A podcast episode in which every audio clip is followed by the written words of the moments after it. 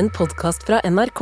Hør alle episodene kun i appen NRK Radio. Arne Dønker er forsker ved Havforskningsinstituttet og marinbiolog. I et kvart århundre har han forska på norskekystens liv og helse, og har selv dykket tusenvis av ganger for å komme til bunns i havet. Dønker er sjømatsekspert og jobber iherdig med å få nordmenn til å utvide horisontene på matfronten og ta mer nytte av havets delikatesser. Dette er Drivkraft med Vegard Larsen i NRK P2. Arne Denker, velkommen til Drivkraft. Tusen takk, Vegard. Hvordan har du det? Eh, eh, Nå så kjenner jeg at jeg er, jeg er litt yr etter den introen der.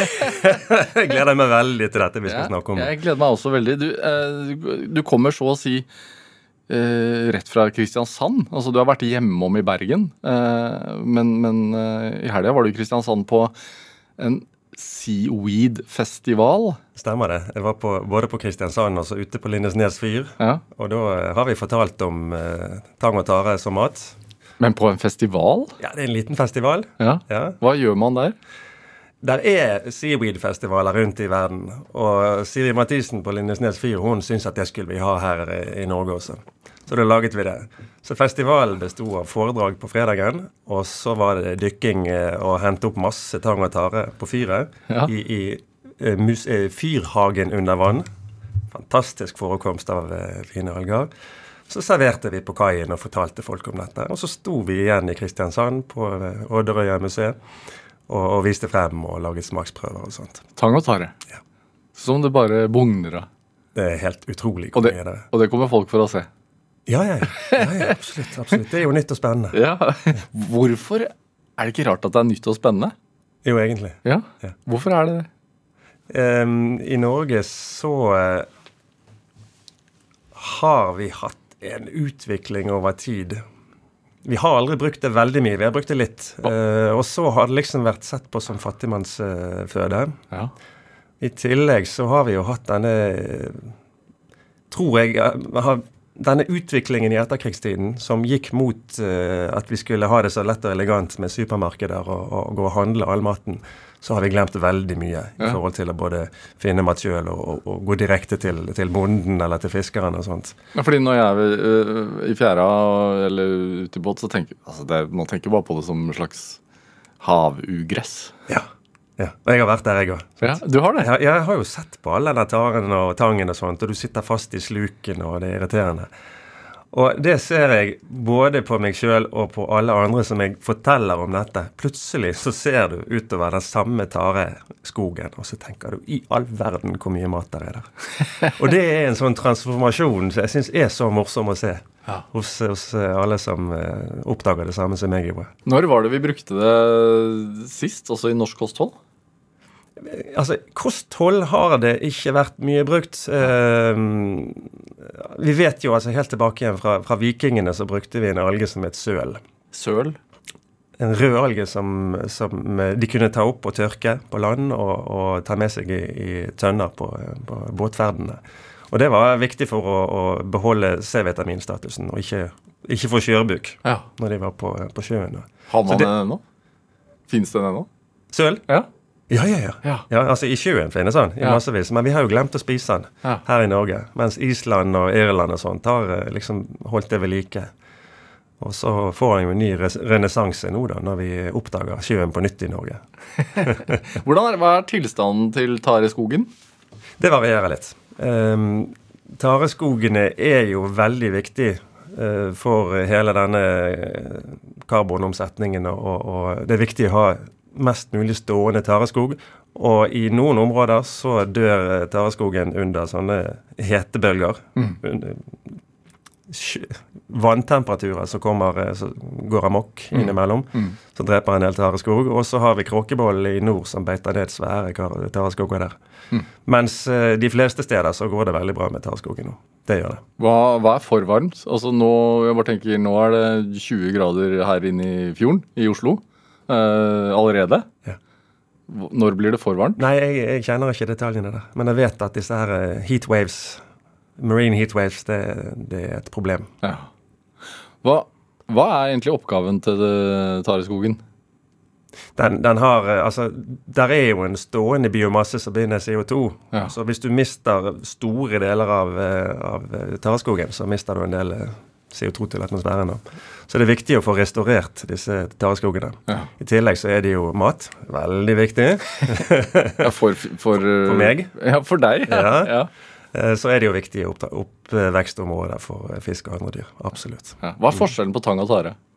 Tangen den vokser liksom Det er det du ser øverst i fjæren. sant? Grisetang og bare blæretang. Ja. Så altså de som har de små blærene. Sant? Ja. Og, og det er jo forgreinete busker. Og de er der hele året, og så vokser de ett skudd eh, eh, hvert år. Som et tre. Som et tre eller en busk. sant? Mens eh, tare, det er de store brune plantene som vokser litt lenger ned. Eh, nederst i fjæren og under fjæren. De som er man tråkker på når man bader.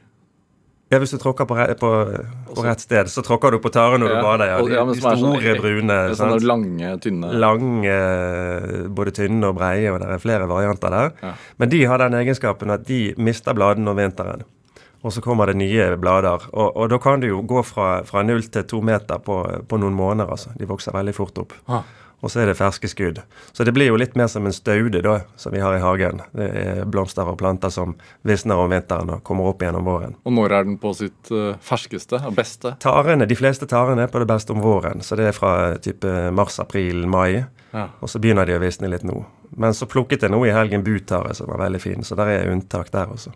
Men øh, hvorfor er dette god mat? Det smaker godt. Rå? Det smak, noen av de smaker godt rå. Og vi har uh, f.eks. denne, denne spagettitangen, som vi kaller litt folkelig. Som er veldig god å, å kutte opp og, og ha som tygg i salater og fiskesupper og sånt. Mens de fleste de får eh, frem smaken først når du tørker de eller steker de eller, eller noe sånt. Eh, du, der er 90 vann i dette, så når du tørker de eller steker de, så kommer smaken frem. Ja. Og det er jo en smak som Og de skifter farge òg når du steker de. Ja, du har hørt om dette, ja? Ja. Og det er halve moroen, det. Når du har en sånn kraftig eh, brun tare og begynner å steke den, så, så er den sånn knallgrønn. Ja. Og da, da, da tar folk frem mobilene sine, og ungene sperrer opp øynene. Egentlig så kunne du gitt deg allerede der, altså. Da, da er halvparten av publikummet fornøyd. Hva, hva smaker det? Det smaker eh, salt, og så er det umami. Det er veldig viktig. Eh, det var veldig ukjent for nordmenn, men nå er det mange som vet det. Og det er denne her smaksforsterkereffekten. Sånn at når du har tare sammen med fisk, så smaker det mer fisk av fisken. Og har du det i et øl, som noen har gjort, så, så smaker det mye tydeligere de enkelte komponentene i ølet. Så um, jeg har f.eks. Eh, ofte tar i urtesmøret som jeg tar opp på sjøkreps som jeg baker i, i ovnen. Og Da smaker det både mer sjøkreps, sødmen i sjøkrepsen smaker tydeligere og bedre. Og sitronen som du har i, i, i det samme urtesmøret, skinner på en måte.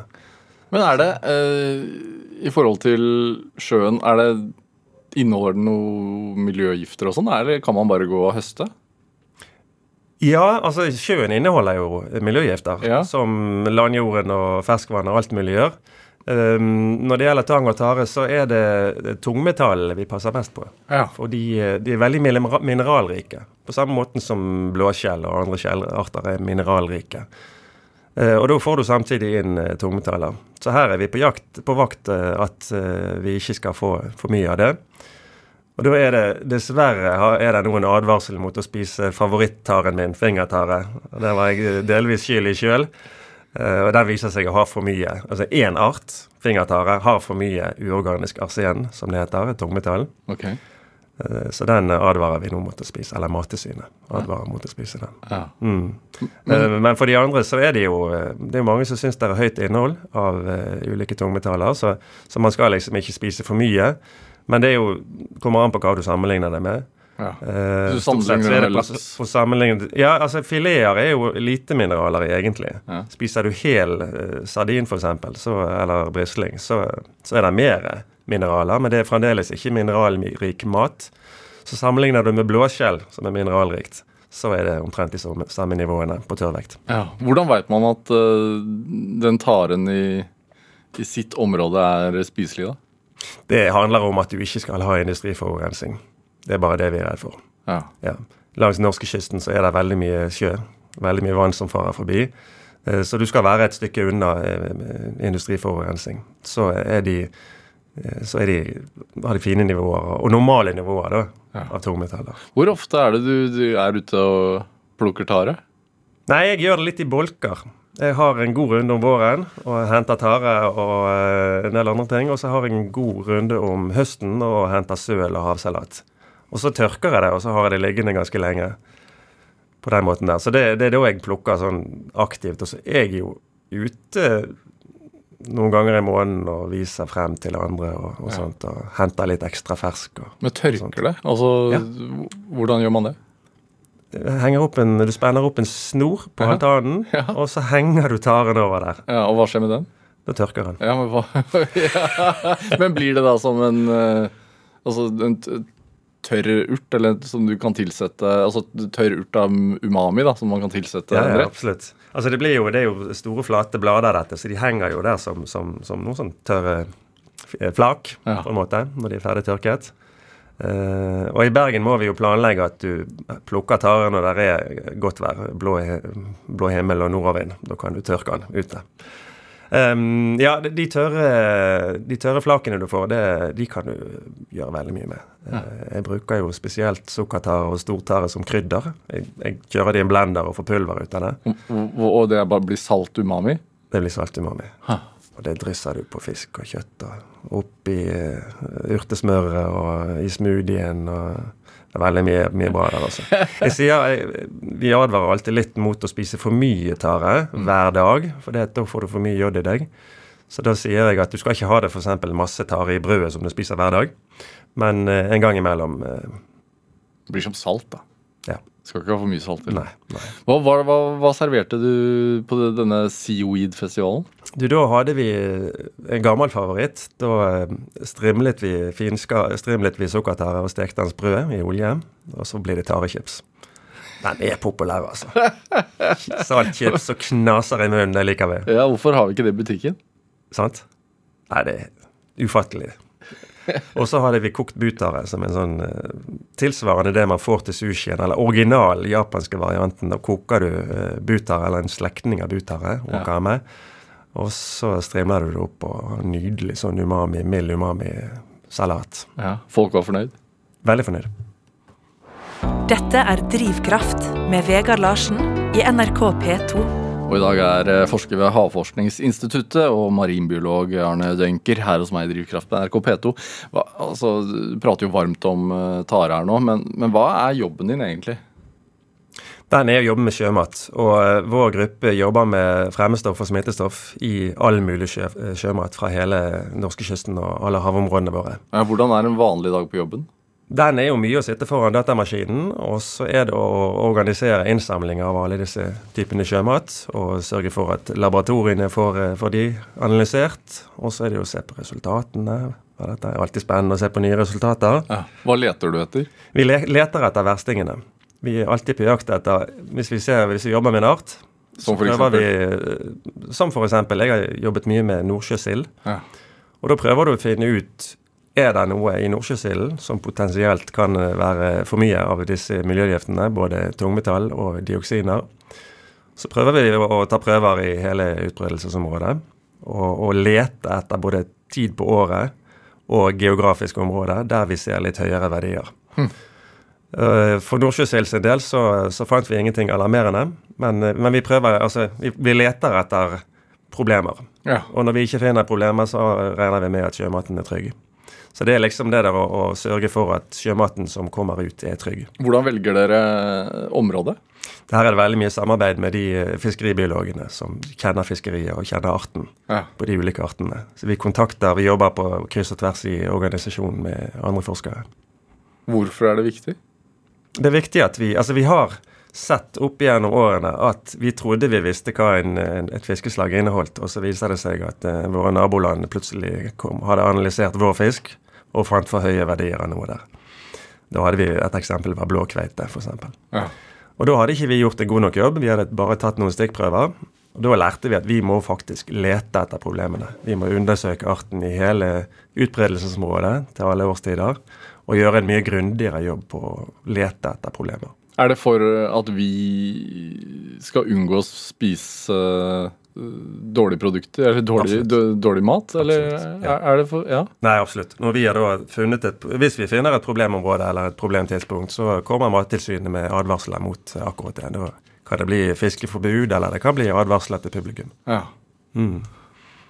Sier det noe om altså det sier jo noe, noe også om havet generelt, altså tilstanden i det området. Noen ganger ja, men ofte så er det naturlige variasjoner, på, spesielt på tungmetallene. Ja, hvordan da? Sånn som kadmium og, og bly og, og kvikksølv finnes helt naturlig i havområdene. Noen steder er det, er det høyere, men, men det er også en veldig naturlig bakgrunn der.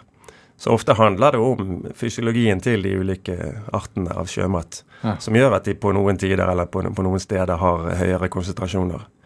Men, men det kan også være eh, ting Disse miljøgiftene de samler seg jo opp og øker oppover i næringskjeden. Så det handler gjerne om at i et område så, så har fisken en spesiell diett som er litt høyere i næringskjeden, og der blir det høyere konsentrasjoner i fisken, f.eks. Som for eksempel? Kveite kan ha eh, veldig gammel kveite. Den eh, har spist for mye storfisk og har for mye dioksiner. Så her er det jo et eh, råd om å ikke fange Det er faktisk fangstforbud over 100 kg på kveite. Huh. Fordi at uh, Der er det for, for høye konsentrasjoner av dioksin og kvikksølv. Ja. Er, det, er, er dette her også sesongavhengig? Ja, ofte så ser vi variasjoner gjennom sesongen. Men der er ikke per nå noen råd som går på sesongen. Det er det ikke. Nei. Men eh, vi prøver jo å finne den sesongen det er høyest verdi, og så overvåker vi den sesongen. Altså sånn worst case. Hva skjer hvis man spiser en kveite på 140 kilo?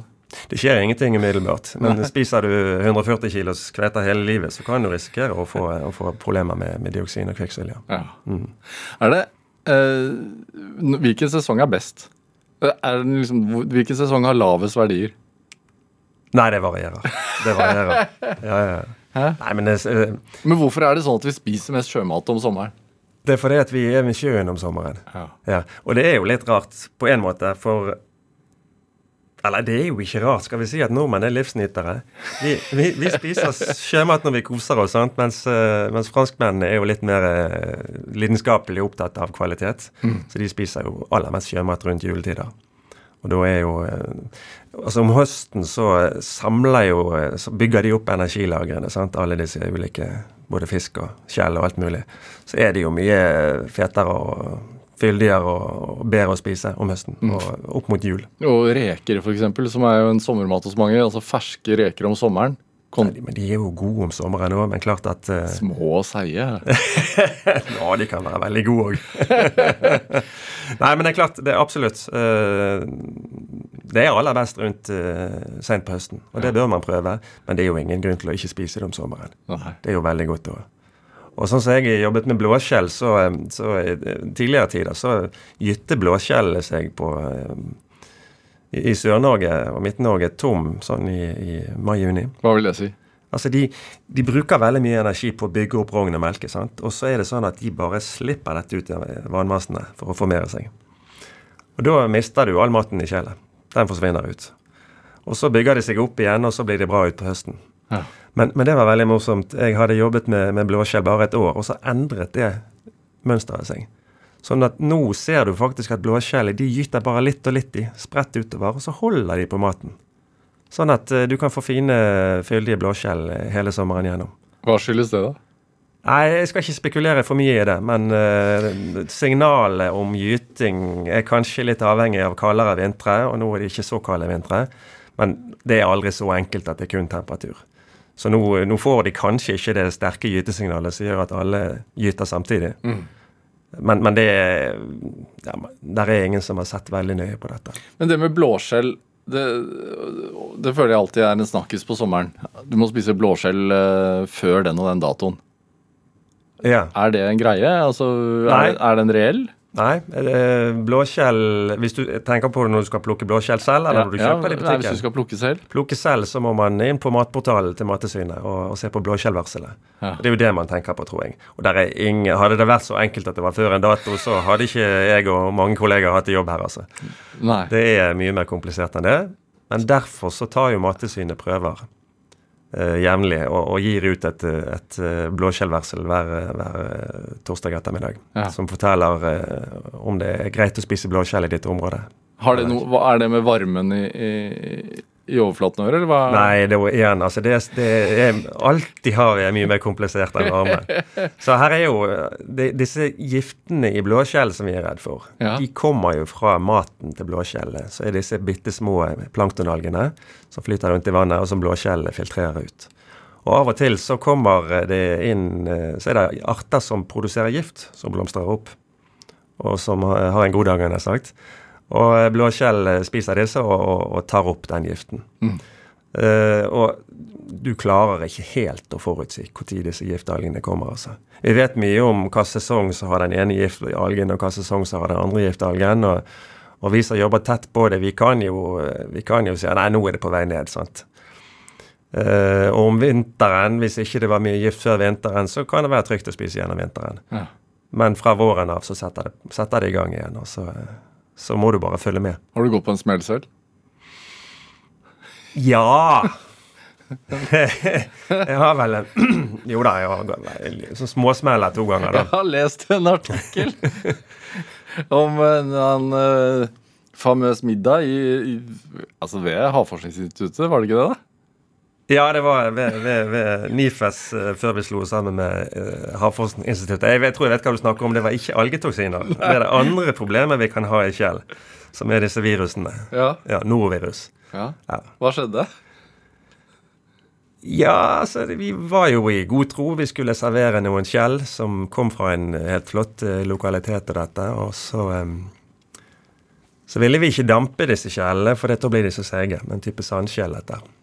Og så fant vi ut at vi skulle ta eh, kokende fiskesuppe og helle over. Eller skjellsuppe, og helle over disse i en kopp sammen med litt løk og sånn. La det trekke seg? La det trekke, og det var en god plan, det.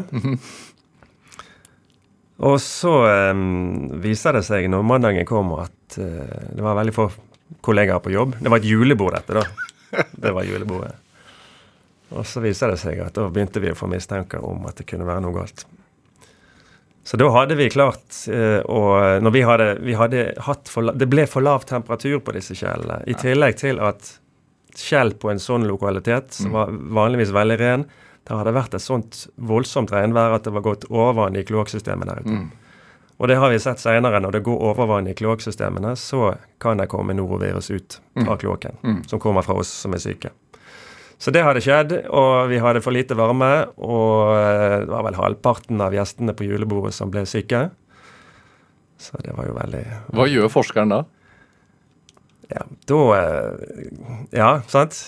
Det er jo en fantastisk mulighet til å studere. For det at du kan jo ikke be folk om å spise blåskjell med virus i. sant? Så når det først har gått så galt som det har, så må vi jo benytte anledningen. da. Så vi begynte jo å sende litt meldinger og sånt, og, og Jeg var ikke veldig dårlig, men jeg var litt dårlig, og, og så hadde ryggen slått seg, for jeg hadde blitt liggende litt for lenge. Så jeg lå hjemme og sendte e-poster, og så var det en, altså en kollega av meg som hadde vært i Cuba. Eh, Kom hjem fra Cuba akkurat den, eh, den mandagen. Og han er mikrobiolog, og han tente på. Han så med en gang hva han skulle gjøre. Full rutine. Inn og lage spørreskjemaer og sende ut til alle som var med. I tillegg så hadde vi fått eh, Jeg hadde lagt etter av skjellene på kjøle. På kjøl, bare for å få sjekket ut noe med en kollega etterpå. Så det fikk vi sendt inn til analyse. Så da fant vi ut at det var mye virus i kjellet, og, kollegaen fikk inn svarene. Ja. Og gjorde en analyse, og så pekte, pekte på at det var disse kjellene som var kilden. Men når vi vet at dette kan skje, Mm. hvorfor skal vi likevel eh, spise skjell? Da er det sånn Hvis vi går tilbake til selfangst, Ja. så er det folk som spør meg eh, er det trygt, og, og, og, bør jeg spise skjell, akkurat som du spør nå. Og så sier jeg hvor glad er du i skjell?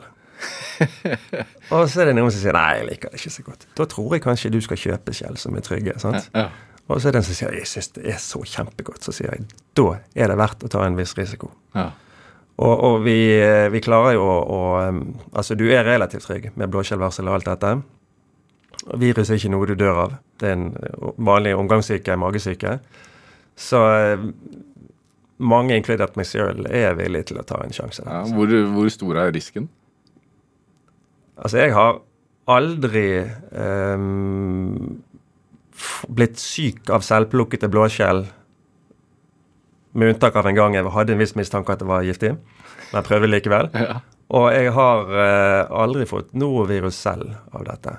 Men det er klart at de som plukker eh, Stillehavsøsters i Oslofjorden nå, eh, spesielt på vinteren, de må nok tenke seg om, og da er jo rådet fra Mattilsynet at de skal varmebehandles. Ja. Der er det en, en, viss, en mye høyere risiko for norovirus enn det er på øyene på, på Vestlandet. Ja. Eh, Snakka så vidt om franskmenns forhold til sjømat. Og Du sier de er kanskje litt mer opptatt av kvalitet enn det vi er. Hvordan, hvordan vil du beskrive nordmenns forhold til sjømat? Altså, nordmenn eh, generelt er jo veldig skeptiske til mye. Og vi er veldig tradisjonsbundet. Eh, og vi har jo masse myter med Jeg spiser ikke ufisk oppe i Nord-Norge, sant. Og Spiser ikke ufisk Hva er det for noe? Ufisk. Det er fisk vi er ikke vant til å spise. Spesielt hvis den er stygg. Steinbit og breiflabb er jo helt ut, sant. Ja. Så det er mye rare fordommer, og på Vestlandet så uh, sier de at jeg et ikke sjel. Nei, jeg et ikke agn, mener jeg. Fordi at uh, skjellet skulle du ha på, på kroken og fiske storfisk. Ja. Så vi er jo veldig Vi har jo ikke gått rundt og kost oss og plukket uh, druer fra trærne og sånt. Vi har jo jobbet hardt i Norge. Så jeg tror kanskje vi har vært veldig opptatt av å, å spise mat som rask å, tilberede og rask å spise og komme seg ut i arbeid igjen. Ja. Og vi har jo ikke hatt en adel heller, sant? så vi har litt andre tradisjoner enn mange av landene lenger sør i Europa. Ja. Og så er det denne skeptis skepsisen som jeg ikke helt forstår, altså. Så altså, vi spiser eh, noen av de samme artene om Ja. og om igjen? Ja, det er jo torsk og sei og Ja. litt sånne ting, og det er krabbe og reker og Og for, for eh, 25 år siden jeg begynte å, å jobbe med kjell, så var jo det helt ukjent. Så, så nå er vi jo bedre der, da. Ja. Selv om jeg syns at kanskje nå er det, det er flere nå enn for ti år siden som, som, ikke har spist blåskjell. Da Ja. trenger vi egentlig en ny kampanje, tror jeg. Dunker, jeg vet jo du har en sterk ti- tilknytning til eh, Nederland også. Ja. Hvordan, er, eh, sjømat, eh, står, hvordan står sjømaten der? Den står eh, Den eh, ligger litt bedre enn der, tror jeg. Selv om ikke det er de som, som er aller ivrigst i Europa. Men de er veldig flinke med blåskjell, og veldig glad i, i blåskjell. Ja. De, de eh, omsetter jo mest Ja, en, en stor andel av blåskjellene i Europa eh, går, kommer fra Nederland. Ja. Og de er flinke på, på kvalitet og, og sånt. Eh, og så har de jo denne, denne ferske silden som kommer om høsten. Jomfrusilden. Njue haring, eller det som vi kaller for matkissild. Som, eh, som egentlig er lett de, de er fryst og lett saltet. Og så, så er det en rå filet du får, og så du dypper litt løk og spiser på direkten. Jeg syns jo det er veldig flott, altså. Sild sto jo sterkt i Norge i mange år. Jeg gjorde det, sant? Men nå Eller sto sterkt. Det var jo nødkost. ja, ja. Sild og poteter i etterkrigsårene var vel eh, Altså, vi hadde jo i en periode veldig mye sild, før det ble plutselig fisket ned. Og da tror jeg mange fikk litt mye, tror jeg. Så sild har kanskje fått et litt dårlig rykte ja. fra den gangen der. Men det er jo synd. Man bør jo ta opp igjen sild, for det er jo et fantastisk produkt. Har vi et stykke å gå som, som verdens beste sjømatsnasjon? Det er jo det vi liker å kalle oss. Det er akkurat det jeg syns. For vi er gode på noen få arter, og vi er fantastisk flinke å forvalte fiskebestandene våre. Sant? Det er jo veldig få land som forvalter de på så høyt nivå, altså som har så høye bestander Ja. som vi kan høste overskudd av, sånn som vi gjør. Men, men vi spiser jo ikke mer enn en brøkdel av all den sjømaten som finnes langs kysten der. Og vi har jo, vi har jo verdens nest lengste eh, kystlinje. Bare slått av Canada. Ja. Og vi har jo mye færre folk per kilometer kyst enn noen andre. Sånn at ressursene er jo enorme her. Og det er så mye god sjømat langs kysten her. Ja, Dunker, det skal vi snakke mer om. Vi skal spille litt musikk først. Um, Du har med en uh, Pharrell Williams-låt, 'Happy'. Nei, hva er dette? Kjennetegner det deg, eller hva er det? Jeg liker bare veldig godt den låten der. Og så ble jeg spurt Altså Hvis du tenker drivkraft, Ja. og så en låtvalg, så tenkte jeg på Happy med en gang. Ja. Det er sånn driv og god stemning i den låten.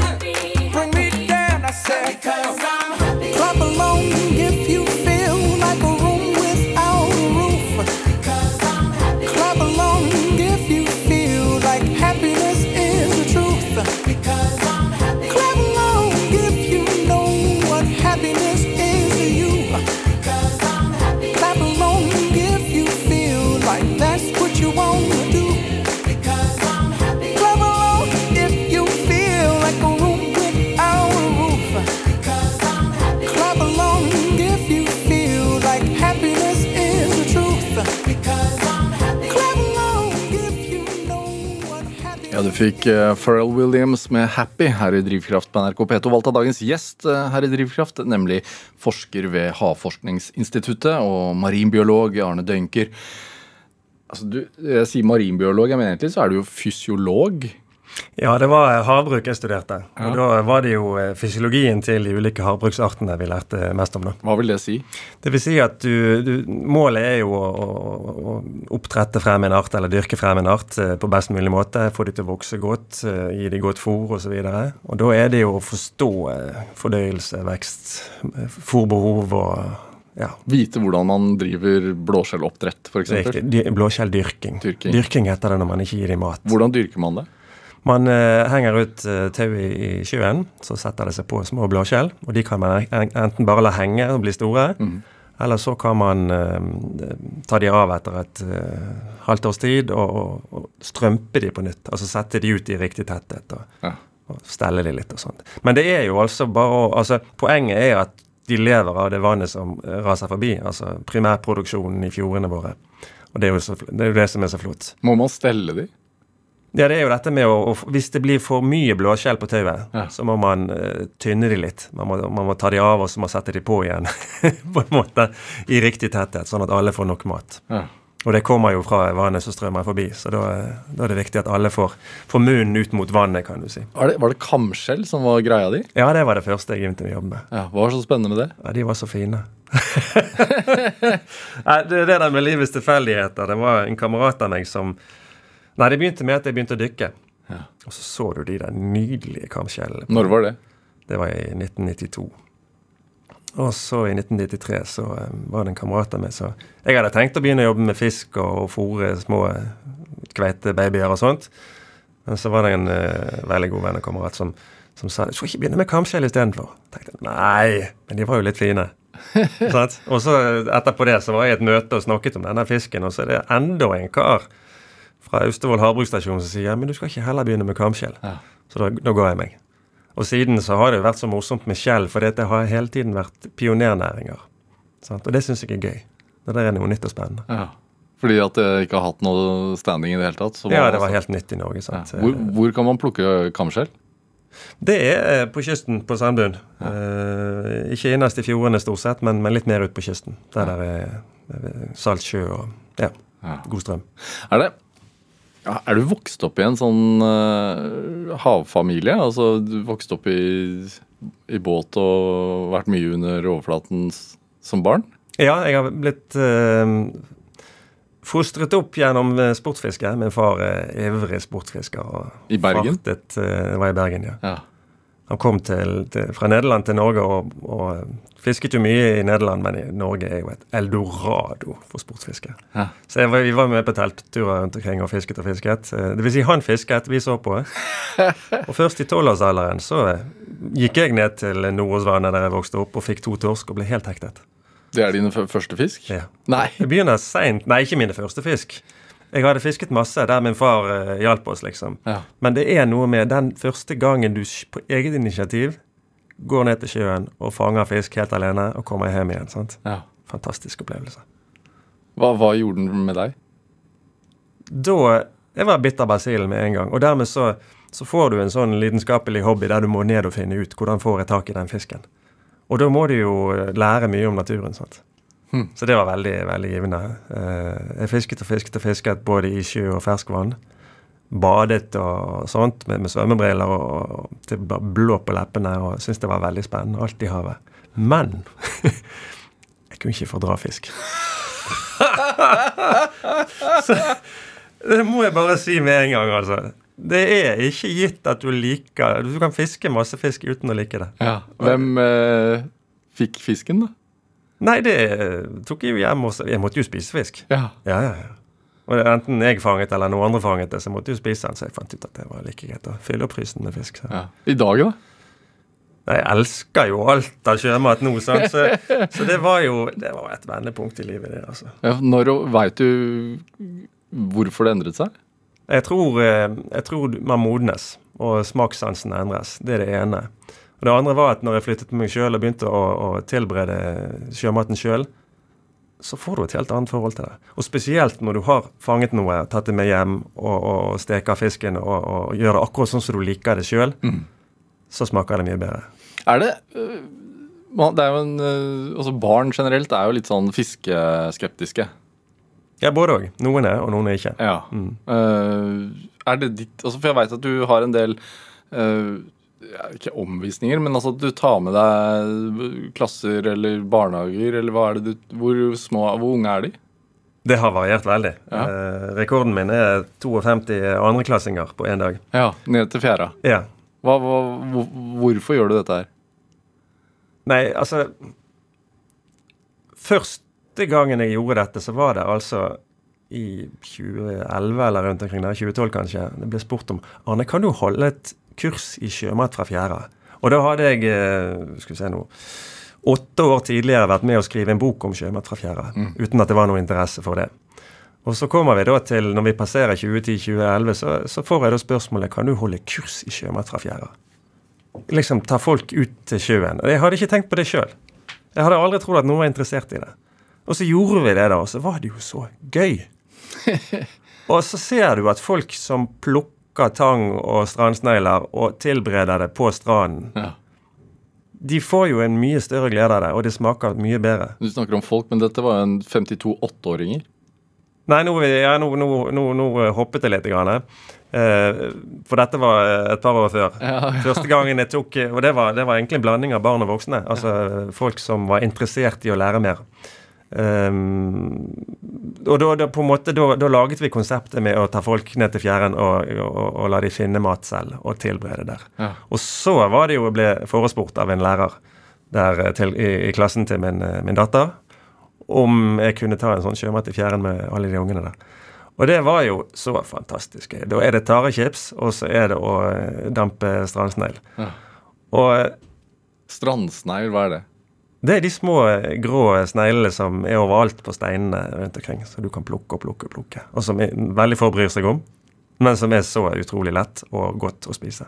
Hvordan er det i forhold til mm, miljøgifter og sånn i de? Der er det ikke noe problem med miljøgifter. De er, det er jo igjen dette, det som er lavest i næringskjeden, har eh, lite miljøgifter. Altså. Og det er heller ikke noe tungmetallproblematikk i, den arten, i de artene der. Så strandsnegler er bra, og det er fastfood uten like. Så derfor så ønsker jeg å vise nordmenn at det går an å bare spise det. Du koker det i ett minutt i litt sjøvann med en tannkvast oppi, og så pirker du det ut med en i, med en tangkvast. tangkvass. Tannkvast er viktig. Ja. Grønnsaksbuljongen. Men er den lik eh, i forhold til hva skal man si, den franske snegla, da? Nei da, nei da. Nei, da. Det, det er jo landsnegl, så de smaker jo nesten ingenting. Nei. Og så tilsetter de masse hvitløk og smør oppi. Ja. Godt det også, men, men strandsnegl trenger du bare å koke i sitt eget vann, om han har sagt. Og så smaker han jo så veldig godt. Og han smaker noe sånn i, i retning av eh, Det er mange som sier både krabbe og blåskjell. En mellomting der. Huh. Veldig godt og veldig enkelt. ja. Dampe et minutt. Ja. Eller koke et minutt. Ja, du har litt grann vann i bunnen, og så er det full kokings. Det er jo en slags damping, da. Men er det Mm. Øh, og det, den, fordi det ser man jo når man går i fjæra, så er det drøssevis på steinen. Ja, kan, man, kan man ta det med seg hjem, eller Ja. bør man, bør man, er man nødt til å fyre opp bål på stranda? Det er godt poeng. Nei, det går an å gjøre begge deler. Ja.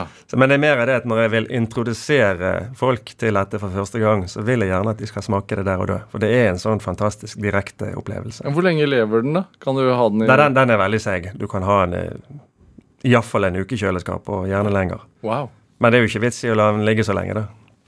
Nei, men nå tenker jeg jo altså Du sier litt sjøvann og en tangkvast, men Ja, nå ja. tenker jeg hva med litt hvitvin og litt øh, Å ja, absolutt. Ja. Og rotgrønnsaker og alt mulig kan du ha. Ja. Og kokkene liker gjerne å, å koke opp en kraft, og så trekker de da um, i den kraften, og så lar de få smak.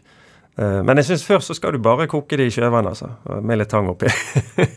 For å smake den, eh, den eh, originale smaken til Du kan godt ha hvitvin i. Hvorfor spiser vi ikke dette her? I større grad? Nei, eh, nordmenn er skeptiske. Så vi må liksom ta for oss en og en nordmann og vise. Sånn kan du spise dette. Ja. Hva, hva mer bør vi se etter i fjæra?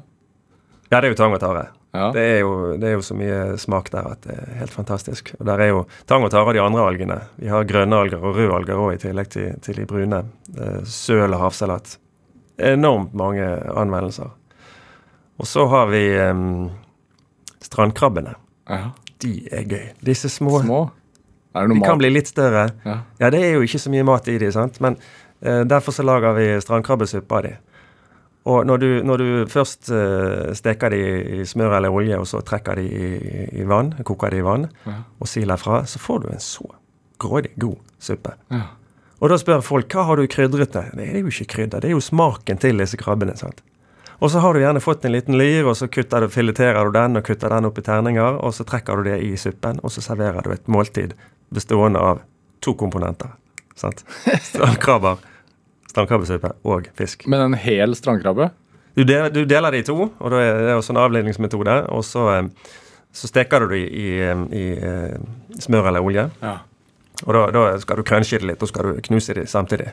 Fem minutter med det, og ti minutter i lettsaltet uh, sjøvann. eh, eller lettsaltet vann, halvt om halvt med sjøvann og, og ferskvann. Og så sile fra. Så enkelt. Så hvis poden driver og fisker strandkrabber, eller holder på med strandkrabber eh, på sommeren, så Så skal ikke han slippe de ut igjen når Nei. han er ferdig. sant? Det er jo det vi gjør feil. Nei, nå skal vi gå, barn. Må slippe ut igjen alle krabbene. Det er jo helt feil. Ja. Og jeg ser jo at uh, ungene stort sett syns det er veldig mye gøyere hvis de faktisk har bidratt med noe.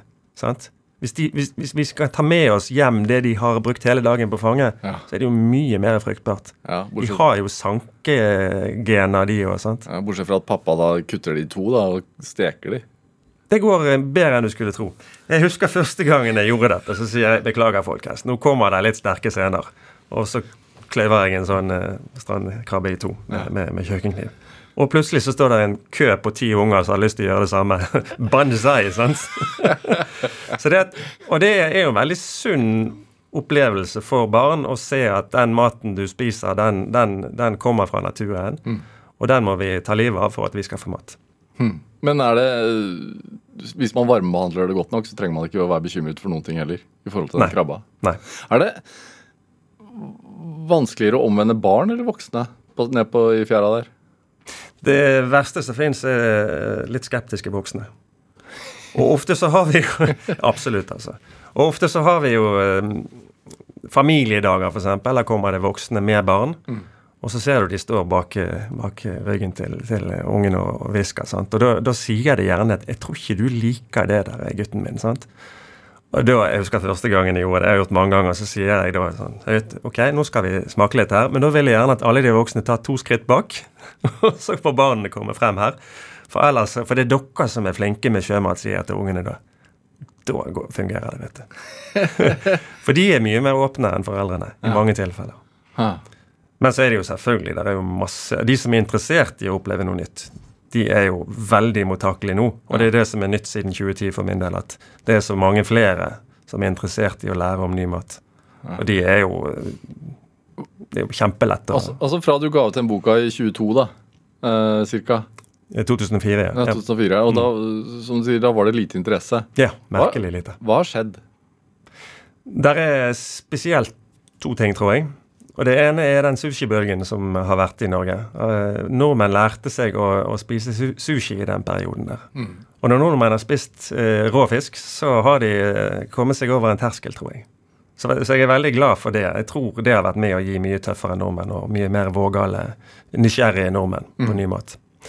Og det andre er at eh, Noma i København er jo en veldig viktig restaurant. Så. Verden, altså kåret til verdens beste restaurant flere ganger. ja, absolutt. sant? Og de gikk jo på at nå skal vi slutte med det franske og italienske kjøkkenet, og vi skal finne ut hva vi har av vår egen natur. Og det har jo inspirert kokkene i Norge noe så voldsomt. Så nå har vi det nye nordiske kjøkkenet, som gjør at kokker eh, over hele landet bl.a. går ned til sjøen og leter etter ting å lage mat av. Og dermed så eh, har de introdusert alle disse nye typer sjømat. Og, og gjort at uh, kundene på restauranter er mye mer eventyrlystne enn noen de var før. Så det er en veldig viktig utdannelse med, med, med flinke kokker. Men du, altså, det merker jo at øh, Jeg sitter jo her som voksen nå og jo, stiller jo litt sånn skeptiske spørsmål. sånn, Kan man spise denne strandkrabben? Øh, Hvor, mye miljøgifter er det i skjellene? Eh, som jeg tror er en følelse mange sitter med, hvis man Ja. bare går ned i fjæra og plukker. Mm, mm. Eh, hvor mye kan man egentlig spise i forhold til det man ser? Altså jeg vet Det er noe som heter albuesnegler, f.eks., og det er mye Det er vel ingenting du ikke kan spise, tenker jeg. Men det er ikke alt som smaker like godt. Nei. Jeg har tygget på, på Ja, jeg har jo tygget på alt jeg har kommet over, da. Og stort sett, altså. Jeg husker det er en sånn, en sånn koral, en lærkoral som heter Dødningehånd. Den jeg måtte sette tann, tann, tann i. sant? Den var jo kjempebitter. Sant? Ja. Det er jo spennende Ja. å oppleve de der ekstreme smakene. Men det er jo klart jeg ville jo ikke spise mer av den. Um, og så har jeg jo spist uh, Kråkeboller er jo så godt sånn. Kråkeboller og rogn er en delikatesse. Så kom jeg over sjøstjerner en gang, og så en masse rogn rogn inni en sjøstjerne. tenkte jeg, gode greier. Og det òg var det noe av det bitreste jeg har smakt. Men kråkeboller, er det et problem, eller er det, eh, er det bra at de, de driver og formerer seg sånn? Jeg setter pris på at de eh, formerer seg utenfor kysten der som jeg holder til, for der, eh, der er de i balanse i økosystemet. Der er masse fine kråkeboller. Men det er klart at i, i, i nord så er det jo eh, blitt for mye kråkeboller i områder. Um, sannsynligvis forårsaket av vi har fisket ut en del av fiskene som spiser kråkeboller, og, og, og forskjøvet på økosystemet. Og de spiser ned, bearbeider ned eh, Mm. Så her, eh, her er det jo snakk om både å, å fjerne kråkeboller, få tilbake fisken, og restaurere tareskogen. Hvor, I forhold til økosystemet, da, som jo er helt vesentlig, hvor, hvor Hvis alle nå begynner å mose på med tareskips hele sommeren og strandsnegler eh, så det tyter, hva, hva vil det gjøre med økosystemet? da? Først og fremst så blir jo jeg veldig glad, da. Da har vi kommet et skritt videre. Og, og, og blir det et problem, så skal vi følge med. Det er jobben til havforskningen å følge med på bestander. Ja. Og hvis det, hvis det går utover bestanden, så du ser at her må, må det reguleringer til, så, så foreslår vi det. Og gjør det samme med, med Fiskeridirektoratet. Men, men det er klart at det, det skal mye til på, eh, på de fleste artene. Vi er jo ikke så mange nordmenn på den kysten her. Og kanskje lokalt på den mest populære stranden til en liten by, så kan det bli Eller til en større by, så kan det bli for lite av en art. Men, men det betyr jo ikke at bestanden langs hele kysten blir truet av det. Nei, Hvordan står det egentlig til med bestanden og økosystemet langs norske, norskekysten? Er det, er det så ille som man hører til tider, eller er det Ja, det er jo lokalt. Eh, Og siden det er så mange som bor eh, her i Oslo, så, eh, så vet jo Oslofjorden sliter? Oslofjorden sliter, sant? så det er jo veldig mye fokus på det. Men det er jo bare en bitte liten del av kysten. Eh, Så veldig, veldig bra at det gjøres så mye i forhold til Oslofjorden nå. At man endelig har begynt å, å jobbe samkjørt der. Men, eh, men resten av kysten er jo et fabelaktig system og et fabelaktig matfat. altså. Det er det. Og så er det jo enkeltarter som sliter. Og Som? Sånn som Pigghåen den har slitt i mange år, men nå er den akkurat kommet seg igjen. Så nå er det igjen lov med en liten fangst av pigghå. Eh, og så er det andre arter som vi følger med hele tiden. da. Som eh, kollegaene som, som jobber med bestander. Overvåker, fiskeri og bifangst og alt dette. Og passer på at vi ikke fisker ned en art. Hva er en pigghå, for de som ikke vet det? Å, det er en hai. Det er en hai. Ja, ja, ja. Fish and chips eh, nummer én. Det, hvor ofte er du under overflaten? Det er ikke så ofte som jeg eh, ville, men nå bor jeg jo veldig nærmt sjøen, og jeg, jeg rusler gjerne bare rett ned til sjøen og tar en dykketur sånn eh, Det er jo ikke hver uke heller. Annenhver uke. Men så noen uker så er det fire ganger, og andre uker er det ingen ganger. Så, så ja, når jeg har anledning. Ja, hvorfor er det et behov? For min del Ja. Det er jo så mye spennende enn det. ja. Og det er jo akkurat som de som plukkes opp og, og bær og sånt, at sesongene varierer jo hele tiden. sant? Så du må jo ned og se hvordan står det til med den og den. Og så er det jo så herlig å Altså, jeg er glad i fridykking. Jeg har dykket veldig mye med flasker i- oppveksten, eller i ungdommen. Uh, Syns det var veldig spennende. Men nå, etter jeg fikk barn, så var det mye lettere å få tid til fridykking. Du, du var gjerne på stranden med ungene, og når de var fornøyd, så tok du en dykketur. ja. Og nå eh, er det Altså fort altså dykking uten eh, oksygen? Fridykking ja, uten Ja. oksygen, der du, du snorkler med, med maske og snorkel og våtdrakt og svømmeføtter. Ja. Og så dykker du ned på, for min del bare på en 4-5-6-7 meter. Og ser hva som skjer der nede. og Plukker med litt mat. Hvordan er det å være under overflaten? Jeg har aldri dykka verken med flaske eller fridykking. Altså, for det første er det, det stille. Du kommer ned, og, og det som er viktig for en fridykker, er at du, du roer ned kroppen før du dykker. Sånn at du er veldig avslappet. Du, du gjør pusteøvelser, og så bare siger du rolig ned i sjøen. Og så er det jo lyset som kommer inn. Ofte så prøver du å gå ut på en dag med solskinn, og det kommer solstråler fra skrått sant, nedover. Og det første du passerer, er jo tareskogen. Og der er det jo Det er tare, sant. Det er nydelig sånn nøttebrune farger. Der er grønn havsalat. Der er rød søl. Og, og det der lysspillet fra bølgene, sant, det bryter jo så nydelig nedover der. Og så svømmer du litt nedover, og så er det gjerne sandbunn, sant? og den lyser jo opp. sandbunnen, sant? Langs med sandbunnen så står det en, en sånn lilla kråkebolle på fjell, fjellet. De er så fotogene. Og så ligger det et kamskjell sånn delvis nedgravet i sanden. Og et gammelt sykkeldekk og en uh, brusflaske. Ja, det er det kanskje i Oslofjorden, men ikke der som jeg dykker. Vi har jo så mye villbark. Hallo! Det er jo bare til å komme seg litt ut. Ja. Det er det. Mm. Åh, nei, det er fint, altså. Ja. Og så varierer jo sesongene. Så kolossalt. Og det er jo det jeg er veldig opptatt av. Tang og tare, de, våren i havet begynner jo gjerne i februar-mars. Og da er det helt grått og kjedelig på landet. og, og snø eller ja, ingen blader på trærne, og gresset er, gult. Mm. Og så hopper du i havet en tur. Putter hodet rett under overflaten, og så ser du disse her grønne, røde, brune skogene. Det, det anbefaler jeg veldig, for det er en sånn vitamininnsprøytning Ja. for de som er lei vinteren. Hva, hva, hva, hva er håpet ditt for, for sjømatsnasjonen Norge? Altså Hvis du våger å tenke liksom ti år frem i tid. Ja, det er håpet mitt at vi skal spise mye mer. Det skal bli status i Norge å bli god på å spise mye mer, flere forskjellige skjelltyper, tang og tare og snegler og skjell. Eh, og andre fisketyper òg. Sånn at det har status å skape næringer fra disse artene. Og hvis det har status å spise det, så er det status å jobbe med det, og så blir folk mer kreative. De blir stolt over yrket sitt. Og så kan vi da eh, fra sjømatnasjonen Norge presentere et mye bredere utvalg av sjømat til resten av verden. Og der har vi egentlig en, en oppgave òg. Der er veldig fokus på at vi må få mer mat til verden, og da er det havet vi ser til. Og spesielt må vi gå lavt i næringskjeden. Så Norge har et ansvar å produsere tang og tare og eh, skjell til en eh, økende verdensbefolkning Hmm. på sikt. Fordi vi går for høyt i næringskjeden nå. Vi, vi spiser jo veldig mye torsk eh, Ja. og sei og sånt, som, som spiser mindre fisk, og spiser mindre fisk, og spiser hoppekreps, og spiser alger. Det er sånne lange næringskjeder. Ja. Og det, for hvert trinn i næringskjeden altså Når du spiser noe, så klarer du bare å nyttiggjøre deg av 10% av det. Sånn at de som spiser deg igjen, har nesten de, For hvert skritt, eh, hvert trinn opp i næringskjeden, så forsvinner 90% av eh, biomassen. Da. Når får man tare på superen? Det gjør man allerede.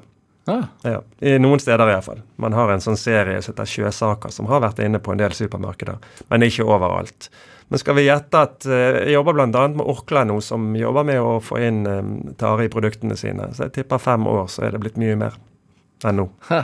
Og hva bør man eh, våge seg å smake nå i sommer, da, når vi er mye på stranda? Strandsnegl. Du plukker strandsnegl, du tar det oppi en liten kjele. Ja. Litt sjøvann i bunnen og en eh, kvast med tang. Så koker du det. eh, Eller de damper jo da. Du setter på full kok i ett minutt, og så heller du det ut. Og så har du en, eh, en knappenål som du drar ut den sneglen med. Arne Dunker, hva, hva er drivkraften din? Det er jo mye nysgjerrighet.